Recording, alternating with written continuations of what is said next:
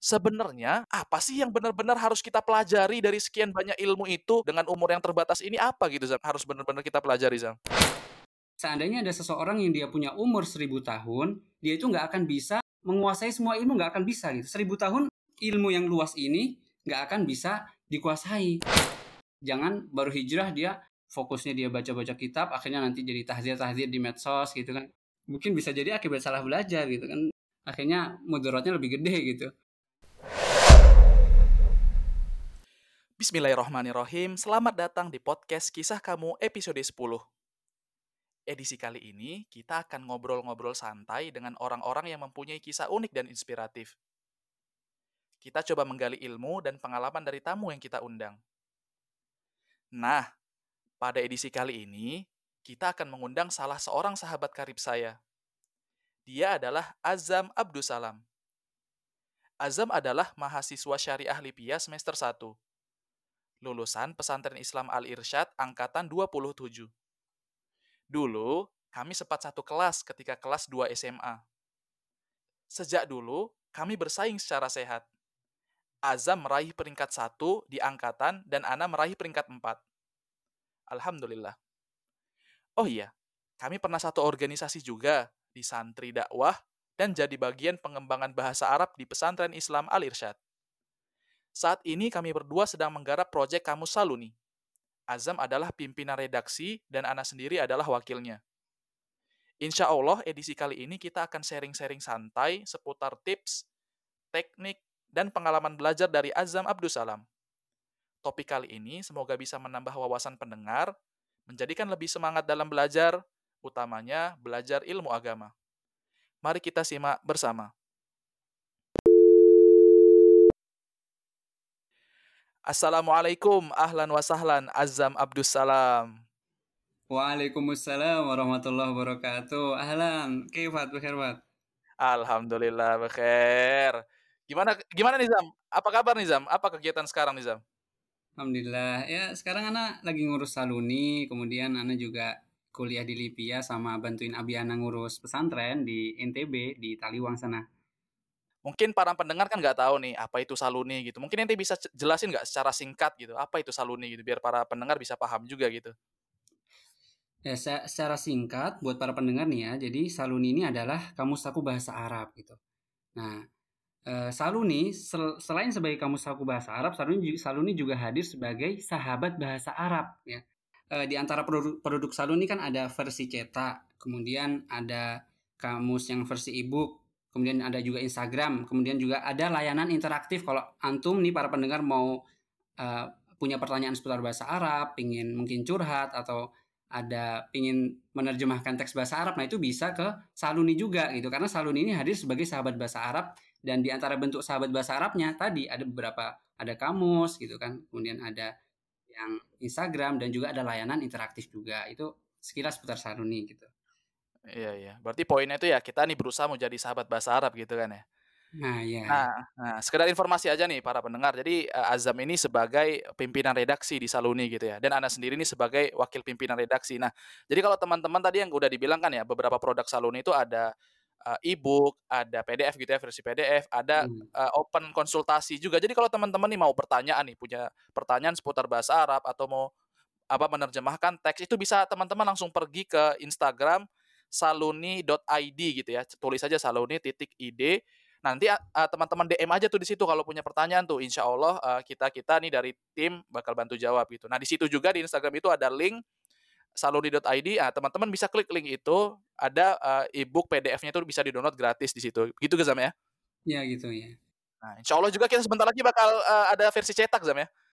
Ya mungkin ini salah satu solusi yang diharapkan banyak orang gitu ya. Jadi pengen belajar bahasa Arab dari pemula, mana nih referensi yang bagus? Bisa pakai Saloni jilid satu. Yang nah. udah belajar, Anda nggak mau yang basic, Anda mau yang tengah-tengah, nah, kita pakai jilid dua nih. Ah, udah penuntut ilmu tingkat lanjut, ya bisa pakai jilid tiga. Jadi ini mengcover semuanya gitu Zam ya, bisa jadi solusi gitu. Nah menarik nih Zam, jadi insya Allah kan kita hari ini bakal yang ngobrol-ngobrol santai lah, sharing-sharing gitu ya Zam ya, ya tentang uh, masalah ilmu dan belajar lah gitu. Dua poin pentingnya mungkin ilmu dan belajar gitu. Nah ini nih ada pertanyaan nih Zam, pertanyaan ini cukup menarik Zam. Jadi kita nih kan sama-sama tahu nih kan Sam ya, Kita yang Hmm. namanya manusia ya umur kita ini kan terbatas banget ya. Ya nggak mungkin kita umur kita ya berapa sih sepanjang-panjang umur kita kan juga ya pasti ada batasnya kan gitu. Sedangkan ilmu ini kan banyak banget Zam, luar biasa banyak banget. Ya contoh lah kita lebih spesifik aja lah. Contoh ilmu agama aja itu luasnya minta ampun. Banyak Dari itu. fikih, iya, akidah, Al-Qur'an, bahasa Arab, adab dan lain sebagainya itu banyak banget. Nah, pertanyaannya gini Zam.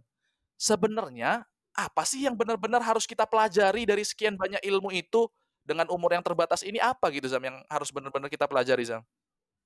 Oke, jadi pertamanya buat para pendengar ya, kita juga harus tahu dulu, seandainya ada seseorang yang dia punya umur seribu tahun, dia itu nggak akan bisa me- menguasai semua ilmu, nggak akan bisa gitu. Seribu tahun ilmu yang luas ini nggak akan bisa dikuasai. Makanya kita, karena umur kita terbatas, kita harus prioritaskan mana saja ilmu yang harus kita pelajari. Sehingga ada ulama bernama Muhammad Murtadha bin Muhammad Az-Zabidi, beliau mengatakan, Khudh min kulli fannin ahsanah pelajarilah inti dari setiap ilmu. Pelajarilah inti dari setiap ilmu. Sehingga kita kalau kita belajar agama, kita harus belajar inti dari setiap ilmu. Kita belajar inti dari ilmu akidah, kita belajar dari akhlak, dari fikih, dari hadis, dari Al-Quran. Kita belajar inti dari setiap ilmu itu gitu. Setiap ilmu di agama. Karena agama memang harus komprehensif, kita pelajari inti-intinya. Jangan sampai, nih jangan sampai, kita itu hanya fokus di satu bidang ilmu saja dari awal sampai akhir. Contoh, kita dari awal belajar agama kita dari awal hadis saja, awal hadis, kemudian nanti sampai akhir kita bener kita memang benar-benar jadi master hadis gitu. Tapi kita belajarnya cuma hadis doang, sehingga misalkan bayang antum kebayang nggak sih ada orang misalkan dia hafal Sahih Bukhari, hafal Sahih Muslim, hafal Sunan At-Tirmidzi. Tapi ditanya, coba sebutkan syarat syarat sholat apa aja coba sebutkan. Nggak tahu dia. Hal hal basic gitu nggak tahu syarat-syarat sholat. Padahal dia sudah belajar hadis sampai istilahnya jadi pakar gitu ya. Nah itu jangan sampai kita seperti itu. Jadi kesimpulannya kita pelajari inti dari setiap ilmu agama gitu. Hmm, berarti poin yang anda tangkap di sini kita nih dari sekian banyak ilmu itu kita ambil poin-poin pentingnya gitu Zam ya. Pondasi-pondasi setiap keilmuan gitu yang bakal kita dalemi gitu yang kita ambil tuh ya fondasi dasar dari suatu keilmuan itu kita fahami gitu Zam ya. Contoh ya tauhid ya kita ambil fondasinya, fikih ya kita ambil yang basic-basicnya, bahasa Arab yang kita ambil dasar-dasarnya itu yang itu yang kita kuasai dulu gitu ya dasar-dasarnya gitu ya semuanya gitu Zam ya. Nah betul betul kita emang harus awalnya harus seperti itu. Baru kalau misalkan kita ingin jadi pakar, setelah kita semua ilmu ini terkumpul, semua basic-basic dari setiap ilmu terkumpul, kita pengen jadi pakar. Oke kita misalkan lebih suka di bidang Al-Quran misalkan di bidang tafsir. Oke kita perdalami ilmu tafsir sampai jadi pakar gitu. Tapi itu nanti setelah kita menguasai basic dari setiap ilmu biar nggak terjadi sesuatu yang fatal yang anda sebutkan tadi gitu. Hmm, nah pertanyaan selanjutnya nih Zam, menarik Zam. Kan tadi uh, banyak kan ya, kita berarti poinnya kita ngambil uh, setiap poin-poin penting dari setiap bidang keilmuan nih. Nah, tapi itu kan banyak tuh Zam. Kita startnya dari mana gitu? Yang kita mulai awal mula pertama kali yang mau kita dalamin fondasinya itu apa gitu Zam? Jadi pintu pertamanya nih yang kita buka nih buat belajar nih apa gitu, ilmu apa gitu Zam? Ana nih belajar agama, Ana baru hijrah nih. Ana harus mulai dari mana gini sebenarnya? Ana bingung. Banyak banget kan ya ilmu segala macam di internet, apalagi informasi tersebar. Kan bingung memilihnya apa gitu kan ya Zam. Nah ini semoga bisa jadi solusi. Nah, kalau misalkan ada seorang yang dia baru hijrah, dia ingin belajar agama, maka tugas pertama dia itu bukan nyari-nyari ini kira-kira ilmu yang paling baik buat anak mana gitu ya. Itu bukan tugas pertama dia gitu. Jadi yang harus dia lakukan pertama kali adalah dia cari guru yang tepat. Dia cari guru yang tepat dulu pertama kali. Karena kalau misalkan dia menentukan prioritas belajar itu secara otodidak ya, itu dia nanti rawan terombang-ambing dalam proses belajar. Contoh, misalkan dia di awal baru hijrah nih, dia di awal wah kayaknya Riyadus Solihin ajib nih gitu. Dia belajar Riyadus Solihin gitu kan, belajar dari awal sampai akhir. Eh nggak sampai akhir dia di tengah-tengah dia ngerasa kok kepanjangan. Akhirnya dia pindah ke misalkan Sahih Bukhari. Sahih Bukhari dia belajar. Dia mikirnya oh Bukhari ini kan kita paling sahih habis Al-Qur'an kan. Kayaknya ajib nih anak belajar nih Bukhari. Dia belajar, aduh ini kok akhirnya capek ternyata berat pindah lagi gitu. Dan dia bakal pindah-pindah terus bakal pindah pasti bakal pindah-pindah terus dan tidak ada yang bisa mengobati apa ya kasusnya dia itu kecuali adanya guru. Guru itu nanti jadi solusi agar dia tidak terombang-ambing dalam belajar gitu. Nah, berarti poinnya ini yang Anda tangkap sebelum dia menentukan suatu ilmu yang pengen dia awal pelajari, dia cari dulu nih guru gitu kan Zam ya. Nah, iya itu itu. Nah, pertanyaan lanjutannya nih Zam, gimana nih Zam cara cari guru yang bagus dan tepat gitu Zam? Masya Allah, apalagi zaman sekarang ya Iya. banyak. Iya, apalagi zaman sekarang nih kan ya semua bisa jadi ngaku ustadz, semua bisa jadi ya zaman kemudahan informasi ya kita ibarat baca artikel di internet bisa jadi pakar ya gitu kan itu gimana Zam bisa bisa nyari guru yang bagus gitu?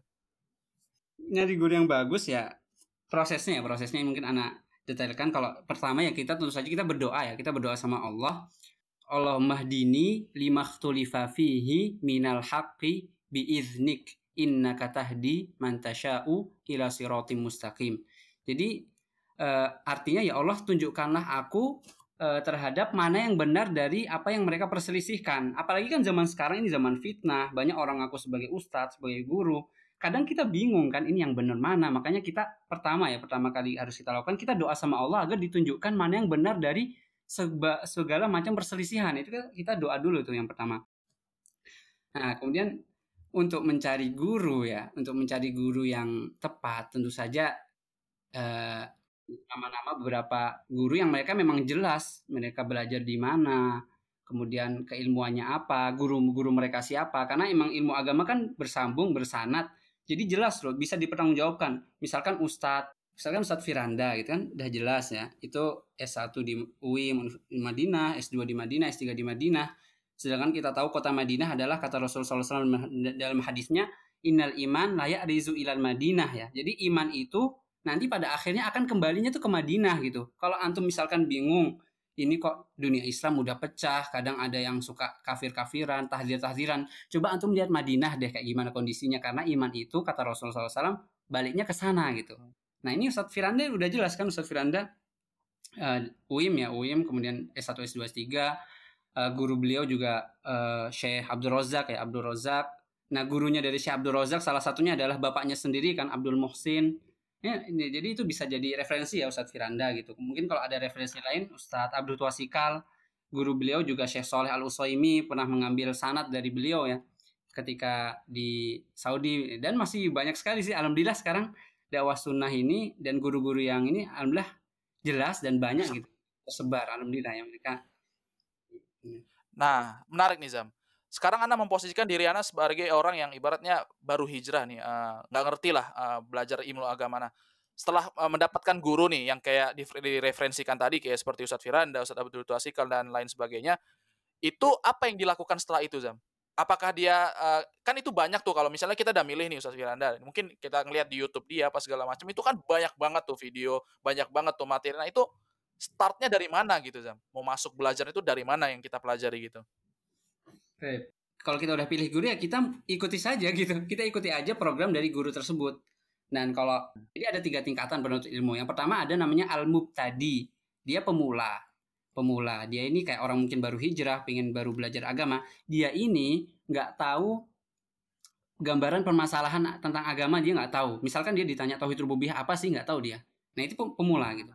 Nah, pemula ini tugas dia adalah dia belajar dari seorang guru ya kita sebutkan tadi kita dia belajar dari seorang guru. Nah, kalau orang yang baru pemula banget sebaiknya dia cari ustadz yang pembahasannya tuh ringan-ringan ya. Mungkin kalau anak sebut ya kayak ustadz Nuzul gitu kan dia Solihin kan itu ringan banget ya itu lebih menyentuh ke hati segala macam atau mungkin ada Ustadz Abdul Roy kalau program HSI-nya kan beliau benar-benar dari dasar dan itu kalau yang udah pernah ikut HSI Abdul Roy kan enak gitu belajarnya simple singkat gampang dimengerti ada evaluasi Nah itu kalau apa yang paling pertama kali banget ya sebaiknya mungkin ikuti model ustadz yang itu yang ustadz Abdul ustadz Nuzul atau mungkin ada ustadz yang lainnya gitu. Nah kemudian tingkatan kedua ada lagi nanti kalau dia udah bisa tahu nih e, gambaran permasalahan dari agama, nanti ada tingkatan kedua namanya mutawasid. Dia ngerti gambaran permasalahan dari agama, misalkan dia ditanya tauhid rububiyah apa, dia tahu jawabannya, mengesahkan Allah dalam perbuatannya tapi dia nggak tahu dalil-dalilnya. Kalau ditanya dalil tauhid rububiyah di Al-Qur'an apa sih? nggak tahu. Nah, ini maksudnya mutawasid nifat gitu kan. Dia maksudnya mutawasid. Nah, kalau orang yang mutawasid kayak gini, sebaiknya dia menghafal matan gitu. Nanti kan matan, dia ngafal Quran, matan-matan ilmiah, dia mulai setoran, dia mulai dengar kajian kitab yang mungkin agak berat dikit. Nah, itu mutawasid gitu. Baru nanti ada nanti muntahi yang dia lanjutan, dia udah menguasai uh, permasalahan agama sama dia tahu juga dalil-dalilnya, Nah, ini dia udah bisa mulai banyak membaca kitab, mutolaah kitab. Jadi jangan dibalik ya. Kalau antum nggak mau hasilnya kebalik, eh, jangan dibalik juga urutannya gitu. Jadi jangan baru hijrah dia beli banyak kitab, kemudian fokusnya dia baca-baca kitab, akhirnya nanti jadi tahdir-tahdir di medsos gitu kan. Mungkin bisa jadi akibat salah belajar gitu kan. Akhirnya mudaratnya lebih gede gitu. Jangan, jangan kebalik pokoknya proses ini ada tingkatannya kita juga bisa tahu nih. Mungkin pendengar setelah mendengar bisa kira oh ini Ana ini sekarang di tingkatan mana sih ya? Apakah Ana di yang pemula atau Ana di menengah atau Ana di lanjutan? Nah, gitu. Jadi kita tahu posisi kita di mana, nanti kita akan tahu apa yang harus kita lakukan gitu. Nah, menarik nih Zam. Jadi sebenarnya ini semua ada proses, ada tahapannya gitu ya. Kita harus melalui sabar untuk melalui proses itu gitu ya. Dari ya pemula, menengah, baru lanjutan gitu. Nggak mungkin ya kita tiba-tiba nih baru hijrah, baru belajar langsung bahas yang berat-berat gitu. Itu bisa bisa belu, bisa blunder gitu Zam ya. Iya. Jadi yang basic-basic belum ngerti ya langsung mau bahas yang berat-berat itu ya sebuah kesalahan juga gitu Zam ya yang populer. Menarik nih Zam. Kita lanjut nih ke pertanyaan selanjutnya nih Zam. Nah, oke okay, sekarang kita udah belajar lah. Kita udah masuk, kita udah memilih guru, kita udah menemukan uh, materi yang kita pelajari. Tapi nih Zam, pertanyaan nih Zam. Gimana supaya apa yang kita pelajari, fondasi yang kita pelajari masih awal-awal nih fondasi yang kita pelajari itu bisa melekat di diri kita gitu, di pikiran kita. Kita bisa belajar efektif lah istilahnya gitu Zam. Efektif belajar gitu. Karena itu tuh gimana tuh Zam? Ya mungkin nggak sekedar orang yang dengar kajian ya. Kadang orang yang udah sekolah mondok bertahun-tahun gitu kan ketika keluar dari pondok yang melekat mungkin apa gitu iya kan? Iya benar kayak gitu. Ya iya benar. Jadi ya ya setiap naik kelas ilmu yang sebelumnya ditinggalkan. Cuman bawa yang diujianin aja kemarin gitu. Ya, terus, itu gimana tuh Zam? iya. Maka jadi kunci agar ilmu melekat itu sebenarnya ada dua simpel aja menghafal dan memahami kalau bahasanya Syekh Shalal Utsaimin hifdzon wastishrohan. Jadi menghafal sama memahami, memahami penjelasannya. Dan ini dua ini ya istilahnya harga mati kalau kita pengen benar ilmu, ilmu kita melekat. Kita harus hafal, kita harus memahami gitu. Ya, dan menghafal itu kan kuncinya kan agar terjaga ya diulang-ulang kan. Makanya mungkin kalau kita dulu ngerasa di pondok, akhirnya kita ilmu kita hilang ya karena kita nggak pernah ulang-ulang hafalannya itu kita nggak ulang-ulang. Kemudian kenapa mungkin kita nggak nyantol karena kita nggak paham ya bisa jadi ketika kita belum paham materi sebelumnya ketika kita udah naik kelas kita harus iya nggak pasti kita harus apa belajar materi yang lebih berat padahal yang sebelumnya aja belum paham gitu kan nah ini harus dikuatin ini hafal sama pahamnya harus dikuatin benar-benar jangan sampai dia lompat-lompat akhirnya ya nggak efektif gitu hmm, menarik nih Zam ngomong-ngomong tentang hafal nih Zam ini ada ada pertanyaan yang sebenarnya ini pertanyaan ini sampai dibahas nih Zam. Ini penting banget ini Zam. Banyak stigma yang beredar Zam. Yang penting yang penting itu dalam belajar itu faham gitu. Stigmanya gitu, stigma yang bilang tuh yang penting belajar. Percuma aja kalau kita tuh ngafal sekedar ngafal gitu, memindahkan informasi yang ada di buku atau di internet ke dalam otak gitu aja, cuman sekedar hafal mati gitu. Jadi sebenarnya nggak penting ngafal tuh. Jadi orang bilang ngafain ngafal. Zaman sekarang itu informasi udah beredar banyak. Ente tinggal cari di internet referensi banyak tinggal cari. Yang penting tuh faham gitu katanya gitu. Bahkan sampai mungkin sebagian kurikulum itu mau dirubah karena konsepnya itu hafalan. Sekarang mau diganti ke pemahaman. Itu sebenarnya gimana sih? Ngafal tuh penting gak sih sebenarnya gitu? Simpelnya gitu. Ngafal tuh penting gak sih sebenarnya? Saya berbicara tentang penting gaknya menghafal ya. Kalau Ana bilang uh, hafal itu penting banget gitu. Hafalan itu penting banget jadi kata kata ulama al-mabani kanzul ma'ani. Al-mabani kanzul ma'ani. Kalau kita terjemahkan secara bebas, jadi susunan kata-kata itu adalah gudangnya pemahaman gitu. Jadi susunan kata-kata adalah gudangnya pemahaman.